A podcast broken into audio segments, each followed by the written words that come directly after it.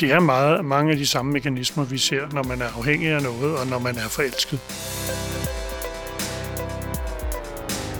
Når vi taler om kærlighed, så taler vi om noget, der er så vigtigt, så fundamentalt, så meget store dele af hjernen er involveret.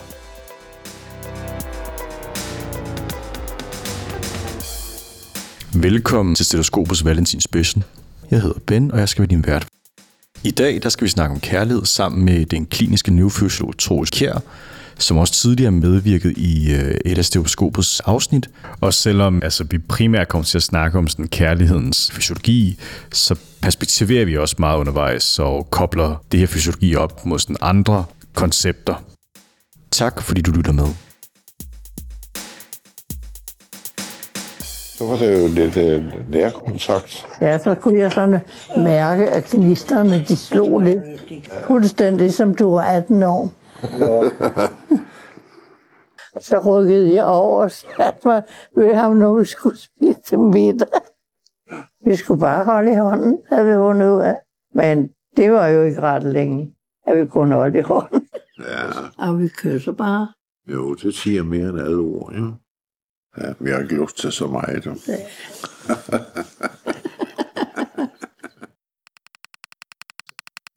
Jeg hedder Troels Wiesenberg Kær.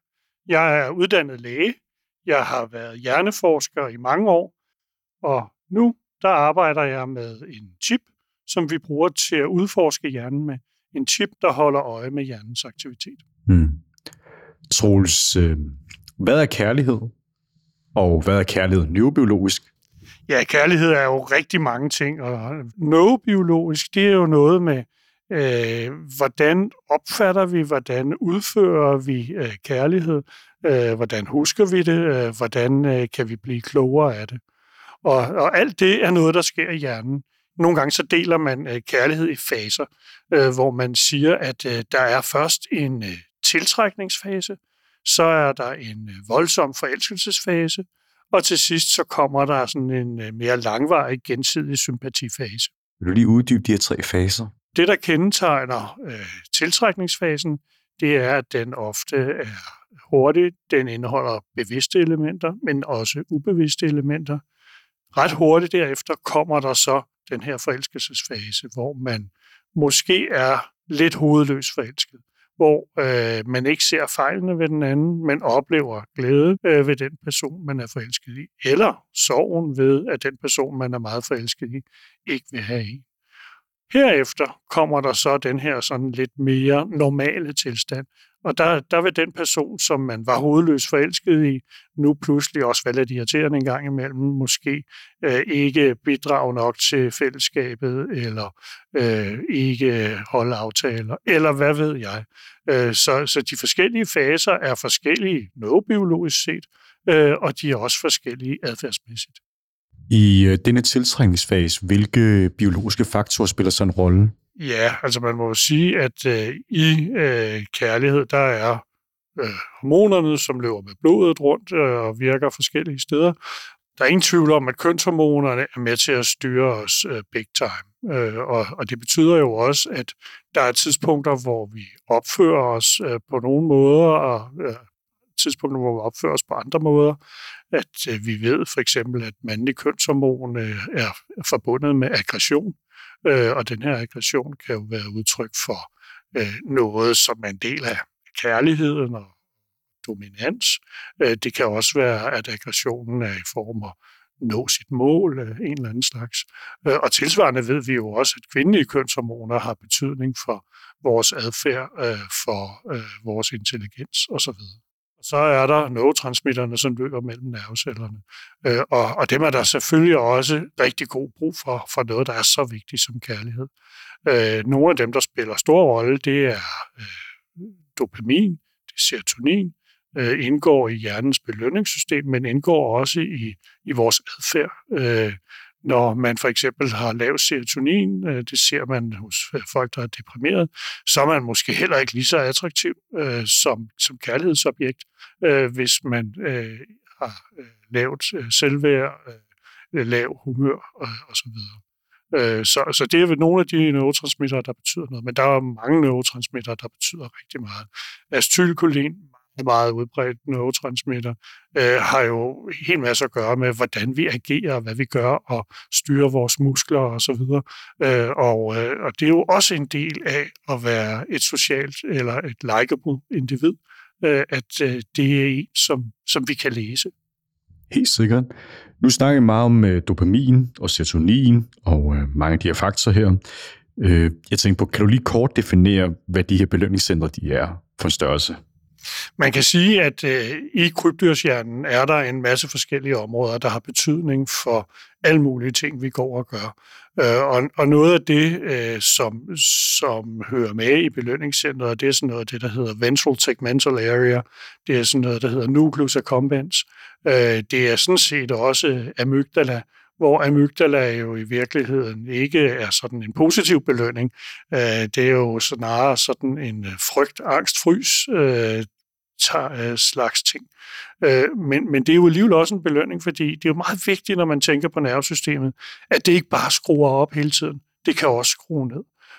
Og, og der spiller amygdala nok en, en, en stor rolle for, at ja, måske der bliver større kontrast, hvis vi er blevet forelsket i en, og vi ikke rigtig tør snakke med personen, så er amygdala på øh, højt blus, øh, og øh, hvis vi så oplever at blive gengældt, ja, så slukker amygdala, og så oplever vi jo en meget større stigning øh, i den her øh, oplevede øh, forelskelse. Så altså, i virkeligheden gør det ikke noget, at belønningssystemet både har positive ting, negative ting. De positive ting kan være belønning for forventning om noget, der sker om lidt. Det kan være belønning for at have været fysisk aktiv. Øh, det kan være belønning for at have gjort nogle særlige ting. Så, så belønningscenteret er ret alment. Det er sådan en slags motor, øh, der trækker vores hjerne. Og når man er forelsket, så trækker den næsten udelukkende den her forelskelse. Men så betyder det, så er der jo alt det andet, som vi så ikke får fokus på. Kan du øh, uddybe det her med øh, ting, vi ikke får fokus på i øh, tiltrækningsfasen? Det er ikke kun, hvad vi ser og hvad vi hører. Godt udseende og gode jokes. Der er selvfølgelig en del øh, ubevidste påvirkninger, som øh, går igennem de bevidste sanser. Altså, øh, jeg kan jo godt øh, sidde og tale med en person, uden at være bevidst om, at personen også sidder og vinker til mig, eller øh, smiler lidt en gang imellem. Altså, hvor, hvor mit fokus lige er på noget andet i det øjeblik. Det kan også være en, der måske taler mig efter munden, og det opdager jeg faktisk først efter et stykke tid, øh, fordi øh, det, det var faktisk meget behageligt hen ad vejen, indtil jeg pludselig opdagede, det var en måde at påvirke mig på, og vi frigiver nogle duftstoffer, som vi bruger til at styre hinanden. Og her er det specielt feromonerne, øh, der er stor betydning. Øh, så selvom det er en bevidst sansning, der går gennem det almindelige bevidste sansesystem, så kan det godt alligevel være en ubevidst påvirkning. Ja, og jeg kan forstå, at feromonerne spiller også en ret stor rolle i øh, dyreverdenen, ikke? Øh, inden for en lang række dyr findes der feromoner, og det gør der også øh, inden for øh, hos mennesker. Øh, og, og det, der er interessant ved dem, det er jo, at som sagt, at man frigiver dem alle sammen, øh, og man kan påvirke hinanden, uden at de andre rigtig opdager det. Der ser ud til i nogle, ja, de har jo efterhånden 15 år på banen eller sådan noget studier, det er som om, at heteroseksuelle mænd og homoseksuelle kvinder tiltrækkes af de samme feromoner. Øh, så, så der er et eller andet i tiltrækningsfasen, hvor, hvor det betyder noget, øh, hvad det er for nogle lugtfri duftstoffer, vi tænder på. Så det er ubevidste påvirkninger af hinanden. Der er jo ikke så forfærdeligt mange år tilbage. Dem skal vi nyde. Ja. Hvor har vi det godt. Hvor har vi det godt. Ja, man, kan, kan man sige, det er ligesom at vinde i lotteriet? Den her overgang, som vi så går fra tiltrækningsfasen og til øh, forelskelsesfasen, øh, hvad er det for nogle faktorer, der bliver op- og nedreguleret her? Man kan sige, når man går ind i forelskelsesfasen, så sker der en voldsom stigning i nogle af signalstofferne i belønningscentret. Man øh, får frigivet, man får frigivet en masse mere dopamin og en masse mere serotonin. Ja, og apropos øh, de her øh, neurotransmitter, som er involveret i hjernens belønningscentre, jeg synes også, jeg har læst et studie af antropologen Helen Fisher, øh, hvor hun så nogle MR-scanninger af nogle folk, der var vildt forelskede, og når man så viste billeder af dem, de var forelskede i, så kunne man se, at der ligesom var et aktivitetsniveau ved øh, de her belønningscentre, så der må ligesom være en eller anden form for sammenhæng, ikke? Der er, er en, en stor sammenhæng mellem det at være forelsket og det at have aktiveret sit belønningscenter. Forelskelse kan jo være mange ting. Altså det at have en udtalt kærlighed til et andet menneske, det kalder vi en forelskelse. Øh, men det kunne også være, at man havde en udtalt kærlighed til en genstand. Øh, det kunne være mere abstrakt til religion eller penge, eller hvad ved jeg. Øh, og alt det er i virkeligheden noget, der aktiverer den her motor, nemlig belønningscentret. Det er også øh, klart, at der er forskel øh, på mennesker. Men, men når, man, når vi taler om kærlighed, så taler vi om noget, der er så vigtigt, så fundamentalt, så meget store dele af hjernen er involveret. Okay, så jeg kan fornemme, at øh, man kan ikke bare inhibere kærligheden ved ligesom at øh, inhibere et område i hjernen. Men hvad nu, hvis man kunne inhibere sådan flere steder i hjernen på samme tid? Vi, vi kan ikke tale om et kærlighedscenter, og, og omvendt øh, som neurofysiolog øh, er jeg jo også interesseret i, om man kan gå ind og stoppe funktioner, men det svarer lidt til at sige, at øh, man øh, stopper en tsunami øh, ved hjælp af et bræt. Øh, og så, så hvis vi har nok brædder, så kan vi stoppe den. Ja, måske. Men der skal godt nok mange til, og der skal meget viden om, øh, hvordan man gør. Øhm, og, altså, jeg ved ikke om jeg ved ikke rigtigt, om det her det er sådan lidt for en øh, øh out there øh, spørgsmål, men øh, det er fordi, jeg tænker sådan lidt, når vi snakker ret meget om dopamin og belønningscentre, øh, så tænker jeg også, om der er sådan en kobling mellem det at være forelsket og øh, altså det med for eksempel at være afhængig af narkotika for eksempel. Det er nogle af de samme mekanismer, som vi ser ved afhængighed til narkotika for eksempel. Så noget af den allerstærkeste aktivering af nucleus accumbens, det er faktisk ikke en forelskelse. Det er kokain. Der går kokain ind og virker meget direkte og voldsomt. Det, der er problemet, hvis man er afhængig af, af nogle former for narkotika, så er det jo voldsom øh, påvirkning, måske 100 gange større end ved forelskelse.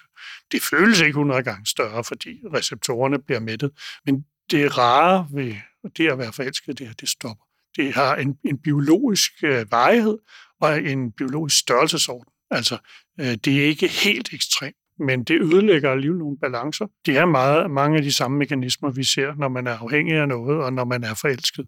Jeg tror, øh, når jeg hører sådan noget med sådan ubalance, og jeg hører sådan noget dopamin, øh, så, tænk, eller så leder min tanke hvad hen på, når man for eksempel sådan, har givet folk dopaminagonister øh, i deres behandling, og de måske udvikler sådan et psykotisk tegn. Er det lidt eller sådan noget, vi er ude i? Folk, der får dopaminagonister i forbindelse med, med sygdom, de øh, kan jo opleve psykose. Altså, øh, når man for eksempel behandler en Parkinson-patient med dopaminagonister, så er formålet selvfølgelig at støtte de nikrostriatale baner og, og den her dopamin, der skal bruges til at øh, få bevægelserne øh, gjort glatte og øh, hurtige osv. Og øh, men, men samtidig har det jo også den pris, at de nogle gange oplever psykoser øh, at de oplever, at øh, der er kommet sådan en ubalance i, i det psykiske del af systemet. Øh, og det er lidt det, jeg antyder, at, at måske er det at være stormende forelsket også at have sådan lidt en ubalance, uden at jeg vil kalde det psykisk syg. Og det er jo der, nogen siger, at man bliver sindssyg. Det gør man ikke rigtigt. Det må du meget gerne lige uddybe. Hvad, hvad er det for nogle tegn, som vi ser her? har måske nogle af de træk, man ser ved sindssyge, netop uh, manglende selvindsigt, uh, at man uh, har svært ved at se uh, sine egne, og specielt den andens fejl. Uh, den, man er forelsket i, er, er jo perfekt. Uh, og, og det er det jo sjældent i virkeligheden. Folk er jo også nogle gange sådan lidt på grænsen til lidt skøre, ikke? Øhm, og nu drager jo sådan mange øh, paralleller sådan, altså mellem øh, adfærden i at være forelsket og adfærden i at være narkotikaafhængig. Øh, men altså har vi sådan nogle stopklodser, der sådan gør, at vi ikke handler uhemmet? Altså jeg synes, jeg synes i min research, så har jeg stødt på, at amygdala for eksempel spiller en rolle. Altså amygdala, som ligesom står for, øh, hvad hedder det, vores øh, adfærd med hensyn til frygt når man snakker om at undgå uhemmet adfærd, så er det nok snarere pandelappen. Altså det er nok snarere nogle af de her kortikale øh, funktioner. Man kan sige, at pandelappen er jo øh, den øh, nyeste og mest specialiserede del af, af storhjernen. Øh, den øh, er med til at få os til at koncentrere os, være strategiske, empatiske, øh, en hel masse af de der sådan lidt højere funktioner. Men der er ingen tvivl om, at det at have nogle bremser, øh, det er utrolig vigtigt, og der er ingen tvivl om, at amygdala er en bremse, øh, så den spiller rigtig meget øh, ind på, hvad vi gør, øh, og hvad vi netop ikke gør. Det er kærlighed. Og det er blivende kærlighed. Ja. Ja. Det var godt. Så lige pludselig så kommer der en, øh, man kan dele hverdagen med. Og alle kan se, at man er optaget, ikke?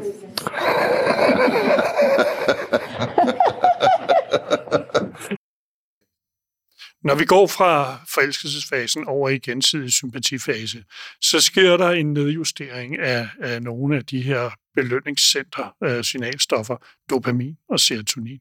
Vi ved, at øh, man bliver glad i lovet af meget dopamin i kortere tid. Øh, men meget dopamin i længere tid kan have andre virkninger. Der sker noget modregulering øh, osv. Og det er jo nok også derfor, at, øh, at kroppen sørger for, at den der vilde forelskelsesfase ikke var uendelig. Der bliver simpelthen lidt mindre af dem. Man bliver lidt mindre glad i låget, når man ser den anden. Der er så nogle mennesker, der meget gerne godt kan lide den her øh, voldsomme forelskelsesfase, og som derfor ikke kan holde fast ved en, en partner så længe, fordi så skal de ud og have en ny stormende forelskelsesfase. Øh, de har ikke lyst til den der langvarige, gensidige sympatifase ind til sølvbrylluppet.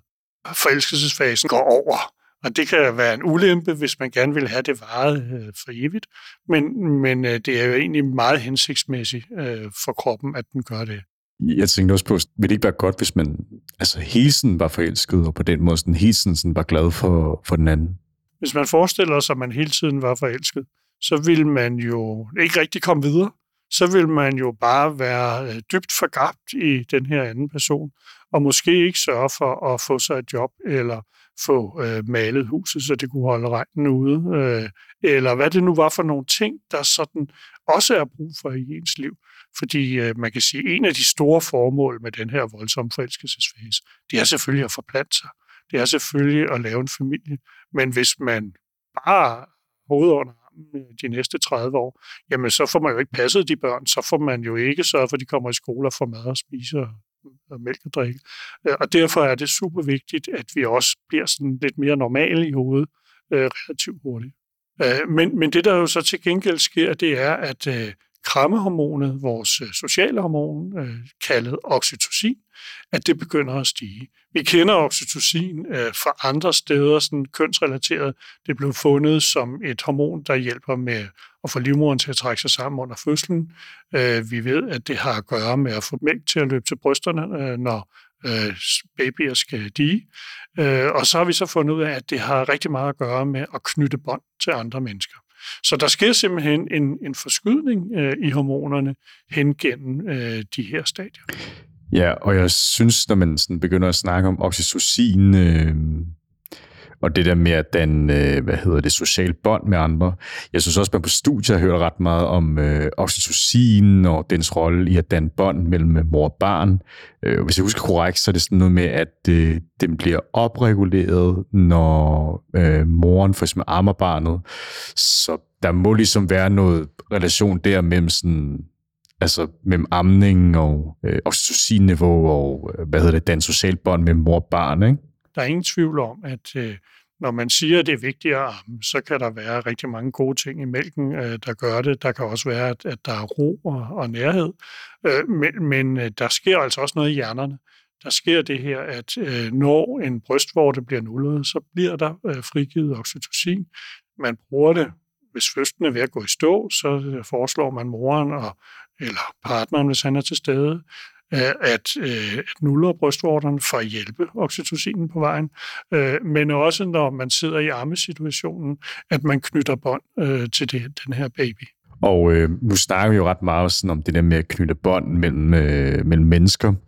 Men altså, hvad så med for eksempel at knytte bånd mellem øh, mennesker og andre dyr? Er det også oxytocin, der ligesom spiller en rolle her? Jeg ved ikke nok om, hvordan man knytter bånd til dyr, øh, men der er ingen grund til at tro, at det skulle være anderledes. Øh, vi kan jo frigive oxytocin i os selv, Øh, og øh, når man klapper en hund, for eksempel, så er det jo en, en rar fornemmelse, forhåbentlig for hunden, men, men også for en selv. Øh, og derfor må vi formode, at, at det også er relateret til oxytocin. Men hvad der rent faktisk sker inde i hjernen, om dyr også har kærlighed på samme måde som mennesker, det ved jeg ikke. Der er i hvert fald adfærd, der viser sympati. Mm.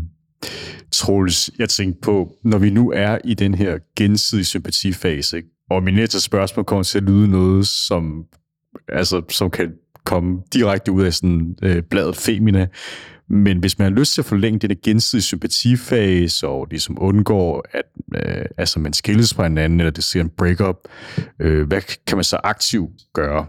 Jamen, det giver jo næsten sig selv. Vi skal bevare sympatien. Og, og det er jo meget forskelligt, hvad forskellige folk øh, føler er, er det rigtige. Nogle de vil gerne have blomster, eller en strikket sweater, eller et eller andet. Andre vil gerne have nogle visioner, eller noget vildskab. Øh, nogen vil gerne have noget forudsigelighed. Altså, der er jo rigtig mange ting, øh, der kan være med til at, at bevare vores sympati. Men, men i og med, at man jo gror tættere og tættere sammen, når man har kendt hinanden i mange, mange år, så ved man også lidt mere om, hvad er det, der betyder noget for den anden. Hvordan gør jeg den anden glad?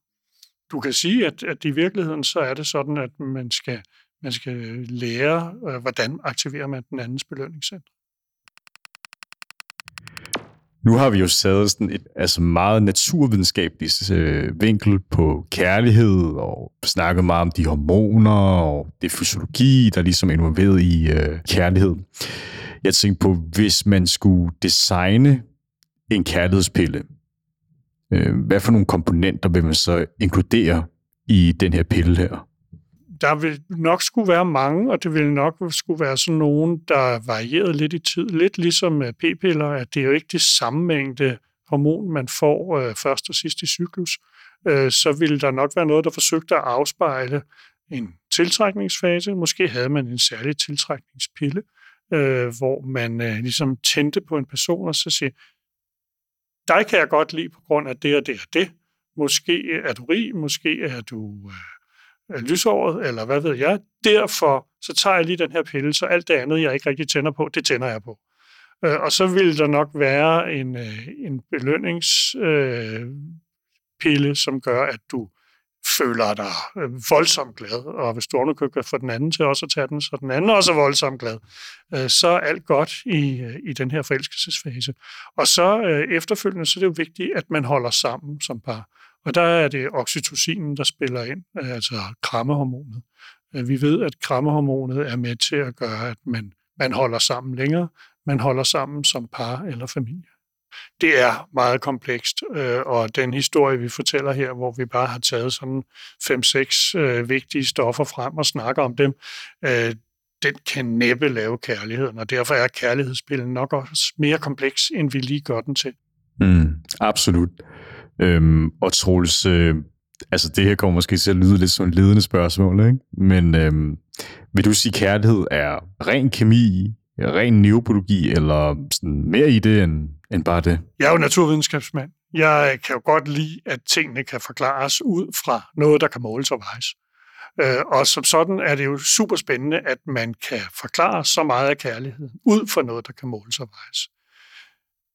Men der er jo altså også de ubevidste påvirkninger. Der er jo nogle ting, der alligevel gør noget ved os, som vi ikke helt er opmærksomme på. Så jeg vil sige, at rigtig meget af kærligheden kan forstås i en naturvidenskabelig sammenhæng. Den kan ikke efterlaves øh, naturvidenskabeligt. Vi kan ikke lave kærlighedspillen endnu, øh, og vi får heller ikke den fulde oplevelse baseret på det, vi forstår nu. Folk er forskellige, vores følsomhed for forskellige stoffer, vores transportersystemer og sådan noget er forskellige. Øh, og så det, der gør os glade, er forskellige. Nogle skal simpelthen have mere af noget end andre. Det, at, at man kan finde nogle hormoner, der går op og ned, øh, når man gør bestemte ting, det er jo en indikation af, at der kan være en sammenhæng. Det er jo ikke nødvendigvis beviset af, alle årsagssammenhæng. Så der er nok mere mellem himmel og jord, end man lige går og tænker.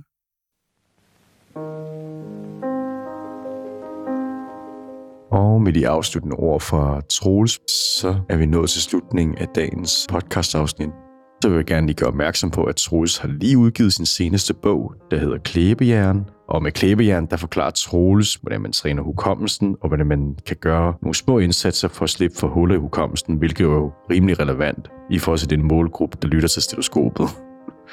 Og øh, hvis du synes, mange af de ting, som øh, Troels sagde, var interessante eller fascinerende, så kan jeg i den grad anbefale at øh, gå tilbage i vores bagkatalog og lytte til den episode, der hedder Bevidsthedens Anatomi, hvor Troels også medvirker, hvor vi blandt andet snakker meget mere om, sådan, hvad bevidsthed er, og hvad sådan, det ubevidste, og hvilken rolle den ligesom har.